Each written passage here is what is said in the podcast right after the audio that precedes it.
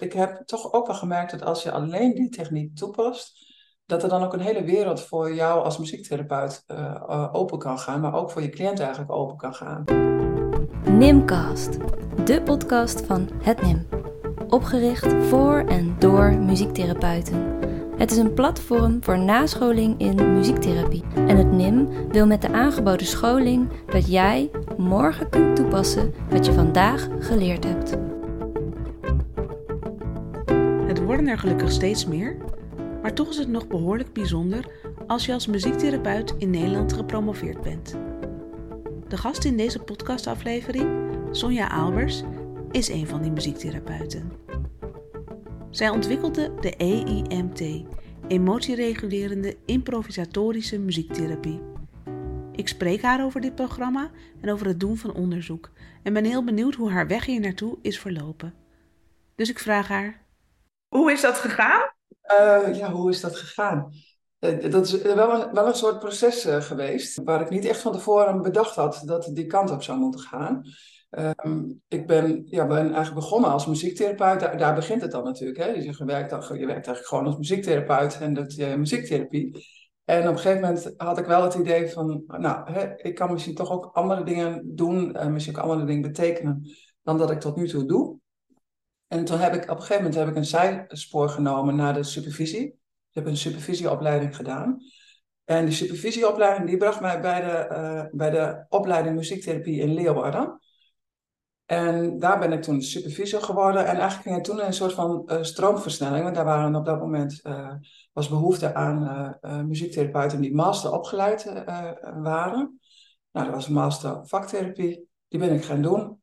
Ja, en dan, ja, dan gaat het eigenlijk een soort in, in een stroomversnelling. Doe je die master. Dan denk je, nou heb ik een leuk onderzoekje gedaan.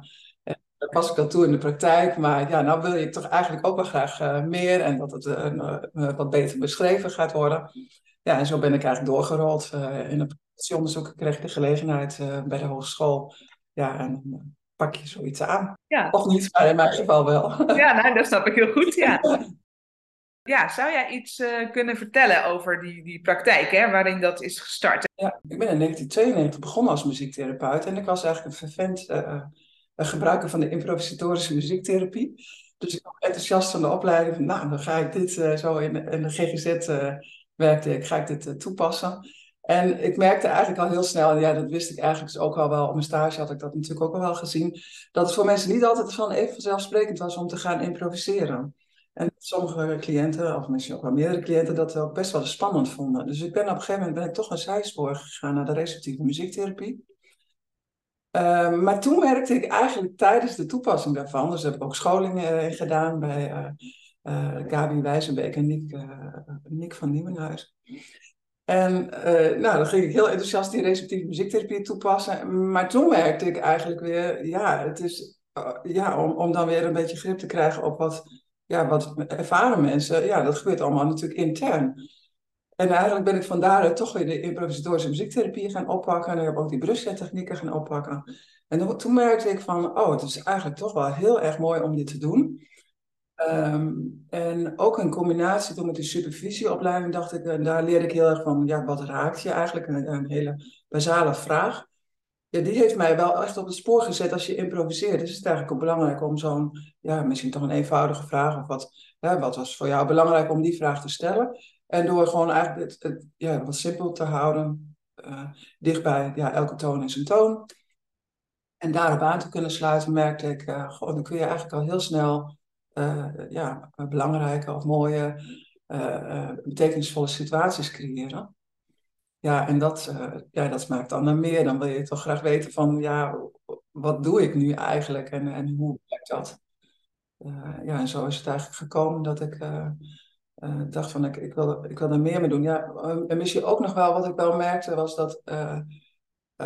cliënten die met bepaalde klachten kwamen, ik zag wel mensen met depressieve klachten, uh, angstklachten, spanningsklauwen, dit soort klachten. Uh, en die, die vroeg me eigenlijk nooit van help mij van mijn depressie af. Maar die kwamen eigenlijk altijd met de vraag, ja, ik vind het zo lastig om te voelen wat er in me omgaat. Of ik vind het lastig, ik, ik vind het sowieso lastig, ik heb geen idee. Ik, ik weet eigenlijk helemaal niet wat er aan de hand is. En toen merkte ik hoe bazaal eigenlijk muziektherapie ook kan zijn. Of hoe bazaal de vragen ook zijn van, ja, ik weet niet wat ik voel. Of ik weet ook niet hoe ik dat moet uh, zeggen. Uh, hoe ik dat moet uiten. Kun jij mij daarmee helpen? En daar, daar ja, is de, improvisatorische muziektherapie is daar natuurlijk eigenlijk een heel mooi uh, middel voor. Want dan heb je direct, ja, dan heb je direct in de ruimte, hè, zodra je gaat spelen. Ja, dan komt iemand daar direct mee, komt iemand daar direct mee aanraken. En vanuit die praktijkervaring is er dus nu de emotieregulerende improvisatorische muziektherapie, waar Sonja binnenkort vanuit de NIM een masterclass over gaat geven. Ik vraag haar iets meer toe te lichten over dit programma. Nou, um, uh, dat programma EMT, uh, dat is een programma van, uh, van tien sessies die wekelijks toegepast worden in één uur. En die is individueel. Er is momenteel trouwens ook, we hebben ook een groepsprogramma ontwikkeld, maar in de basis is het een individueel programma, waarbij een muziektherapeut en een cliënt met elkaar samen improviseren met een afgebakende set instrumenten. Dus er worden twee marimba's, twee cello's en twee djembe's gebruikt. En die worden toegepast om invloed uit te oefenen dus wordt geïmproviseerd om daarmee invloed uit te oefenen op, het, op de emotieregulatie of op het om, anders omgaan met emoties. en dan wordt verondersteld dat je daarmee ook invloed kunt uitoefenen op de stemming van mensen of op depressieve klachten of angstklachten. En dan speelt dus die improvisatie die speelt daar een belangrijke rol in. En dan ook de afwisseling van improviseren en reflecteren ook weer even afhankelijk natuurlijk van je doelgroep. Want ik kan me voorstellen dat er ja, ook doelgroepen zijn waarbij het lastiger is om te reflecteren. Dus het is ook altijd belangrijk om je te realiseren dat je zo'n programma ook kunt uh, aanpassen aan de groep mensen waar je mee werkt. Ja, precies. Want dat zat ik me inderdaad te, bedenken. Hè? De emotieregulatie of kunnen reguleren uh, ja, is denk ik zo'n breed uh, uh, onderwerp of zo'n brede hulpvraag. Hm. dat die, dat die denk ik op, in, op allerlei vlakken en allerlei doelgroepen toegepast zou kunnen worden. Maar jij zegt dus ook van ja, het is, dat programma is niet zo vast dat je dat maar alleen met mensen met een depressie in de GGZ zou kunnen doen. Nee, zeker niet. Nee, we, zien ook wel, we hebben ook wel studenten gehad die al met verschillende doelgroepen ook werken, ook in de, in de ouderenzorg ook hebben toegepast. Uh, ook uh, een student die het heeft uh, toegepast met iemand met een verstandelijke beperking. Dus ja, die maken eigenlijk allemaal aanpassingen aan, aan het programma. Dus dan zeg ik mijn advies altijd, probeer zo dicht mogelijk eigenlijk bij de basisprincipes van, van zo'n programma te blijven. Ja. En pas het dan aan zodanig dat jij met jouw cliënt daar goed mee werken kan. en dan kijken wat er gebeurt. Ja. En nu vraag ik mij direct af, als ik nou geen twee marimba's en twee cello's heb, ja kan, kan ik dit dan ook doen? Ja, belangrijke vraag. Ja, ja daar, daar lopen we met z'n allen natuurlijk tegenaan. Dat, dat je, uh, uh, dat je soms uh, ja, instrumenten nodig hebt voor een programma en dat het er gewoon niet is. dus mhm. ja, ik zeg altijd, je, ja, je, je schrijft iets op in, van, vanuit een bepaald perspectief. ik kijk naar hoe iets in de klinische praktijk werkt. ik combineer dat ook met wat ik weet uit wetenschappelijk onderzoek. En dan komt er een programma uit. En ja, en dan heb je die kwestie van, ja, maar we hebben die instrumenten niet. Dus wat ik dan eigenlijk altijd zeg, probeer uh, uit te kiezen wat, wat enerzijds dicht bij het programma ligt. dus dan kun je bijvoorbeeld ook zeggen, ik pak twee xylofoons. Mm -hmm. Als je cliënt eigenlijk liever met meetelefoons werkt, nou, dan pak je twee meetelefoons. Voor, ik snap wel dat een cello echt heel anders is dan een gitaar uh, of een harp. Maar ik kan me je voorstellen dat je, dat, dat alternatieven zouden uh, kunnen zijn. En als je geen djembe's hebt, ja, twee handtroms. maar altijd rekening houden met, je probeert toch enigszins bij het programma te blijven. Maar je wil ook aansluiten bij, jou, bij jouw cliëntengroep. Ja. mogelijkheden en de voorkeuren die ze ook hebben. Ja, ja, en tegelijkertijd zit ik me ook te bedenken, je uh, kan natuurlijk wel, het mooie is van zo'n onderbouwde en onderzochte interventie, dat je natuurlijk ook wel naar je werkgever bijvoorbeeld uit kan dragen, ja, het is, het is wel essentieel dat ik niet alleen maar deze instrumenten heb, maar dat ik ook dit heb, want er gebeurt iets anders. Hè? Dit, dit, dit is niet voor niets onderzocht. En, uh, en het is ook om dat uh, aan te kunnen Ja, zeker. Dat is, dat, uh, dat is zeker ook een mogelijkheid. En je hebt natuurlijk, als het over marimba's gaat, dan denkt iedereen altijd natuurlijk van, oh, dat is heel groot en meeslepend. En dat, dat is natuurlijk ook zo. Er zitten natuurlijk allerlei, allerlei varianten in, die ja, in allerlei maten, zeg maar. waardoor het ook hè, als een prijs op een gegeven moment ook een rol speelt. Kosten. Ja ja, dan kun je natuurlijk ook wel weer varianten uh, kiezen die wat goedkoper zijn. Het eh, zal mogelijk wat anders werken, maar ik denk dat uh, als je een, een, goedkopere marimba zal uh, toch anders werken dan een kleine xylofoon. Ja. ja, dat kan ik me ook heel goed voorstellen. Ja. ja. En een cello is, is een vrij ja, ongebruikelijk instrument eigenlijk in, in muziektherapie. Um, dat vind ik op zichzelf eigenlijk altijd wel weer heel wonderlijk, want het is, ja. is een instrument wat, uh, wat zo snel uh, ja, dicht bij, bij je gevoel uh, kan staan. Je trekt het naar je toe, dus je raakt het aan en je, je voelt het. Maar je voelt de klanken ook in je lichaam. Ja. en het is gewoon een prachtig instrument. Maar ook voor een cello geldt natuurlijk, ja, er zijn ook goedkopere varianten voor. Dus ja.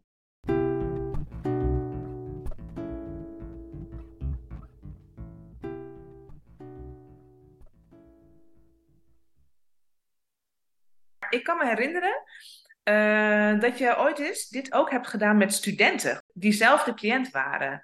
Uh, klopt dat nou? Ja, uh, dat, maar dat waren studenten eh, van, een, van een hogeschool, dat klopt. En dat is in het kader van mijn promotieonderzoek geweest. Hebben we daar een studie naar gedaan. Dus we hebben op een gegeven moment misschien even goed bij het begin beginnen. We hebben het eerst gekeken naar een, een, wat is er eigenlijk bekend over muziektherapie en over het effect van ja, het effect van muziektherapie bij depressie. Een grote review gedaan. Uh, toen uh, heb ik in het kader van mijn master heb ik ook een, eigenlijk beschreven in de klinische praktijk hoe, hoe pas ik muziektherapie toe, dat onderbouwd en dat uh, toegepast. En op basis daarvan heb ik toen dat programma beschreven. En dan wil je natuurlijk ook gaan kijken, ja, doet het ook wat, wat het behoort te doen, hè? of wat je dat het gaat doen. Um, en ik werkte op dat moment werkte ik niet um, met ja, ik werkte niet in de GGZ. En dan is het ook altijd een punt van, ja, wat ga je doen? Waar ga je van betekenis zijn? En uh, ja, het was natuurlijk ook al langere tijd bekend, was ook veel in het nieuws van, ja, dus je hebt natuurlijk veel studenten met depressieve klachten. En toen dacht ik, ja, wat is er eigenlijk mooier dan gewoon beginnen bij, ja, waar je dichtbij bent. Ik werk met studenten. kunnen we niet voor deze student iets bieden? En toen hebben we in overleg met het decanaat hebben we um, ja, hebben, hebben we uh, afgesproken dat we het programma binnen een hogeschool uh, zouden gaan uh, toepassen. En ehm, daar konden de studenten voor in aanmerking komen die depressieve klachten hadden, maar nog niet gediagnosticeerd waren met een depressie. Dus we namen vragenlijsten af en als ze dan minimaal lichte depressieve klachten hadden, konden ze aan het programma deelnemen. Um, ja, met de bedoeling om dan ook beter te kunnen gaan functioneren natuurlijk op school. En in de basis te leren om anders met die emoties uh, om te gaan. Ja. En dat hebben we getest en daar hebben we gekeken naar, uh, heeft het nou eigenlijk ook invloed op, uh, op de depressie of op de depressieve klachten? Heeft het ook invloed op de emotieregulatie? En daarnaast hebben we nog gekeken naar of het ook invloed had op het positieve en negatieve affect. Dus ook, zeg maar, hoe, hoe voelen mensen zich? Je ziet daar vaak bij depressie dat het uh, negatieve effect veel sterker uh, is uh, en het positieve effect lastiger toegang toe te krijgen. Dus daar hebben we ook naar gekeken. nou ja, even kortweg gezegd, daar kwam uit naar voren dat we zowel invloed hadden op de depressieve klachten als ook op die emotieregulatie. De, de meeste mensen gingen ook echt minder, voelden zich ook minder somber, dat beschreven ze sowieso. uit de vragenlijsten kwam dat bij, bij twee van de elf kwam dat uh, niet naar voren, bleef dat stabiel. Maar ze zeiden wel allemaal, we voelen ons eigenlijk beter. En we hebben ook meer handvatten gekregen hoe we om kunnen gaan met, uh, uh, met emotieregulatie of met, het, met onze emoties. Dat was weer een mooie reden om ermee door te gaan. Dat is het niet werkt. We willen er weer mee ophouden, dat is gelukkig niet zo. Ja, heel, heel mooi. Ja, ik, ik, ik dacht eraan omdat ik dacht, ja, eigenlijk is misschien wel het leren ja, leren reguleren of daar bezig zijn. Misschien eh, ook nog zelfs wel veel breder dan alleen hè, de doelgroepen waar je misschien al therapie voor inzet. Omdat we, ja, vind ik zelf dan hoor, misschien in een maatschappij leven waarin er veel gebeurt, misschien veel van je wordt gevraagd. En, uh, en er uh, ja, het misschien wel helemaal niet zo raar is dat het moeilijk is om dat te kunnen reguleren of daar grip op, op, op te krijgen. Ja, ja, zeker. Kijk, emotieregulatie, jij zei het net zelf ook al, emotieregulatie is natuurlijk een heel uh, breed begrip. Daar denken mensen trouwens ook heel verschillend over. Ja, uh, ja dat, dat merk ik wel. En we hebben wat dat betreft misschien toch ook wel een, een beetje een, eh, een andere invalshoek gekozen dan dat er vaak gekozen wordt. Vaak zie je toch wel dat de emotieregulatie ja, vrij cognitief eigenlijk benaderd wordt. Ik denk hier op deze manier over. En nou, dan moet ik misschien leren om ergens iets anders over te gaan denken. En dan ga ik me ook vanzelf anders voelen. Mm Wij eigenlijk gezegd, ja, maar het begint, emotieregulatie begint ook bij, ja, je doet iets hè, of je doet iets niet. Dus je komt wel of niet in actie. Ja. Dat ligt natuurlijk heel mooi dicht bij de vaktherapie. Ja. Muziektherapie, je doet iets wel, je doet iets niet. Daarmee druk je iets uit of niet. En dat uh, doet ook fysiek iets met je, daar voel je iets bij en daar vind je ook iets van. Ja. En eigenlijk uh, vijf, uh, ja, het zijn vijf componenten, zeg maar. ja, en, daar, en, en dat, dat doet iedereen in het dagelijks leven. Je, ja. je, stapt ergens op af of je stapt er niet op af. Je gaat iets doen of je gaat iets niet doen. Um, dus ja, zeker. Ik denk ook kinderen op een school bijvoorbeeld. Of ja, uh, misschien ook de professionals wel. Of, uh, ja, ik denk dat je heel laagdrempelig met dit programma uit de voeten zou kunnen. Ja. Ja, en voor iedereen gezond om te kijken hoe reguleer ik eigenlijk mijn emoties. Ja, precies. Ja, ook als er misschien niet per se een gediagnosticeerd probleem is met die emotieregulatie, zou het ook misschien leerbaar of, of ja, ja, ja, denk ik wel. En in een aangepaste versie zou je het ook misschien wel uh, uh, gewoon kunnen toepassen als een improvisatie met een klas kinderen. Als je nou als muziektherapeut denkt, ja, ik voel me vaardig op een aantal instrumenten, maar eigenlijk in dat improviseren niet zo heel erg, zou je dan, zou je dan hier ook mee aan de slag kunnen gaan? Of, of is dat. Is dat ja. ja, ja. Ja, ik denk dat dat, uh, dat dat heel goed kan. Sowieso kun je natuurlijk, uh, we kunnen daar uitleg ook over geven. Uh, wat je ook al zei, van, er komt er natuurlijk een, een, een masterclass. En er komt ook nog een andere masterclass via onze hogeschool waarmee je dat ook kunt oefenen. Maar mhm. zelfs ook los daarvan, wat we eigenlijk doen in, deze, in, deze, um, um, ja, in dit programma, is maken gebruik van één van de Brussia-technieken, mm de synchronisatietechniek. Um, ja, en die, de, dus het fijne daarvan vind ik is dat het uh, ook weer heel uh, bazaal zeg maar, gaat over het aansluiten bij datgene wat jouw cliënt doet. Ja. Um, er zijn natuurlijk verschillende technieken voor, maar dit is een van de technieken die je daarvoor kunt toepassen. Ja, en dus je hebt ook maar de focus op één techniek. Ja. Dus als je, de, als je daar meer mee doet, en ja, dan word je daar natuurlijk ook meer vaardig in. Um, en dan, ja, dan gaat het denk ik vanzelf uh, ja, word je, word je er gewoon uh, beter in. Zeg maar. ja. Hey, uh, jij hebt, dus je zit al een lange tijd in het vak als muziektherapeut, als docent, als supervisor, als onderzoeker dus. Um, en ik vroeg me af, ja, dan heb je natuurlijk ook een beetje zo'n soort view op muziektherapie misschien gekregen of ontwikkelingen. Zijn er dingen waarvan jij denkt, oh, dat zou nou echt, als, als deze ontwikkeling zou uh, zou op, op gang komt in muziek, binnen muziektherapie, of als we daar ons meer op gaan ontwikkelen, dat zou goed zijn voor ons vak? Ja, nou, um, als ik kijk zeg maar, hoe, ik, hoe ik ben opgeleid uh, uh, nog aan de Jelburg. Hm. Heel veel muziektherapeuten dat misschien helemaal niet meer weten, maar ik ben opgeleid aan de Jelburg in Baren.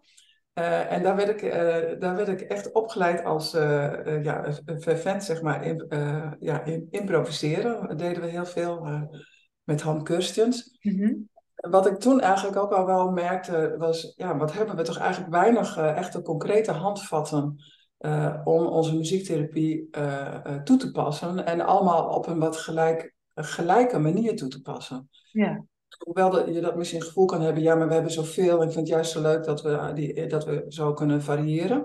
Denk ik voor de, voor de ontwikkeling van ons beroep ook belangrijk is dat we met, toch met handleidingen gaan werken, waar wel alle ruimte is om goed af te stemmen op, de, op je eigen kennis, maar ook op de voorkeuren van je cliënt. maar toch te proberen dicht bij die programma's te blijven en van daaruit ook te, misschien ook wel op vergelijkbare manieren te gaan evalueren wat de resultaten van je behandeling zijn. Als we dat nou allemaal wat meer zouden doen, uh, en je zou dat ook kunnen gaan uh, ja, stapelen, noemen we dat ook wel, zeg maar, dus een beetje begrip ook wat weggekomen is bij Marine Spreen. onze voormalige lector. Ja, als je dat kunt gaan stapelen, dan kun je, denk ik, redelijk snel allerlei kennis ook opdoen over ja, wat is nou eigenlijk het resultaat van mijn behandeling. En ook, eh, wat ook belangrijk is, waarom werkt eigenlijk mijn behandeling? Als we daar meer grip op zouden kunnen krijgen, uh, dan, uh, en, en dat ook meer zouden kunnen gaan toepassen, dus dat het wat meer structureel ook gebeurt. We gebruiken vergelijkbare programma's, we gaan op een vergelijkbare manier monitoren. je brengt dat bij elkaar, dan creëer je natuurlijk heel veel kennis. Ja. En dat maakt het voor, voor de muziektherapeuten die al werken, maar ook muziektherapeuten die opgeleid worden, toch echt een stuk makkelijker. Eén, uh, om het te gaan toepassen. Maar twee, ook om in een uh, multidisciplinair team bijvoorbeeld ook te gaan vertellen, ja, dit zijn de programma's die we hebben. Uh, hier kunnen we gebruik van maken. Als we met cliënt A werken, hè, dan kunnen we misschien beter dit doen. En als we met deze cliënt werken, met deze problematiek, kunnen we misschien beter dit doen. Dus je kunt het ook makkelijker, denk ik, uitleggen en ook verantwoorden. Ja en onderbouwen wat wat we doen. Ja. En dat klinkt in de basis eigenlijk heel simpel, maar op een of andere manier zijn we daar nog, uh, nog niet helemaal, zeg maar. Ik denk wel dat we de goede richting in uh, ja. gaan. Ja. Ik vind dat zelf wel interessant, uh, die synchronisatietechniek. Oh ja. Er wordt wel steeds meer, um, er wordt wel steeds meer over geschreven, ook in, in de wetenschap. Ik denk dat heel veel muziektherapeuten die techniek ook wel toepassen. Mm -hmm ik hoor wel eens, uh, ik heb wel eens gehoord van muziektherapeuten, oh, maar we hebben zoveel mooie Brussia-technieken. Waarom nu alleen die synchronisatietechniek? Ja. Ja, en ik vind dat zelf ook wel intrigerend, zeg maar, dat dat, dat uh, uh, ja, zo gebeurd is. Dat is natuurlijk wel onderbouwd, maar dat, dat alleen die techniek naar voren komt. En ik, ik, ik heb toch ook wel gemerkt dat als je alleen die techniek toepast, dat er dan ook een hele wereld voor jou als muziektherapeut uh, open kan gaan, maar ook voor je cliënt eigenlijk open kan gaan. Ja. Zeker als je daar de regie bij je cliënt kunt laten en die kan zelf spelen en jij sluit steeds aan uh, um, met die synchronisatietechniek, dan kan het misschien zelfs wel zijn, uh, en daar moeten we natuurlijk meer nog over te weten komen, maar dat je de regie heel mooi bij de cliënt kunt laten. Ja. de cliënt ook. Um, uh, ja, en dat het jij aan jou als muziektherapeut is om ook echt goed te luisteren, wat doet die cliënt nu? En ook echt in te springen op dat ene moment waarvan je denkt, oh ja, dat moment, ja. Daar, daar, gaat het om. Ja. Dus, en dat, dat hoop ik natuurlijk ook, uh, nou, dat muziektherapeuten daar ook het, uh, ja, het mooie van inzien eigenlijk. Ja. Ja, en dat ook uh, meer gaan toepassen. Ja. En ja. ze denken ik ook dat toe, maar ook bewust van zijn uh, van dat zij toepassen en, en, de mogelijkheden die die techniek ook in zich heeft. Een beetje less is more.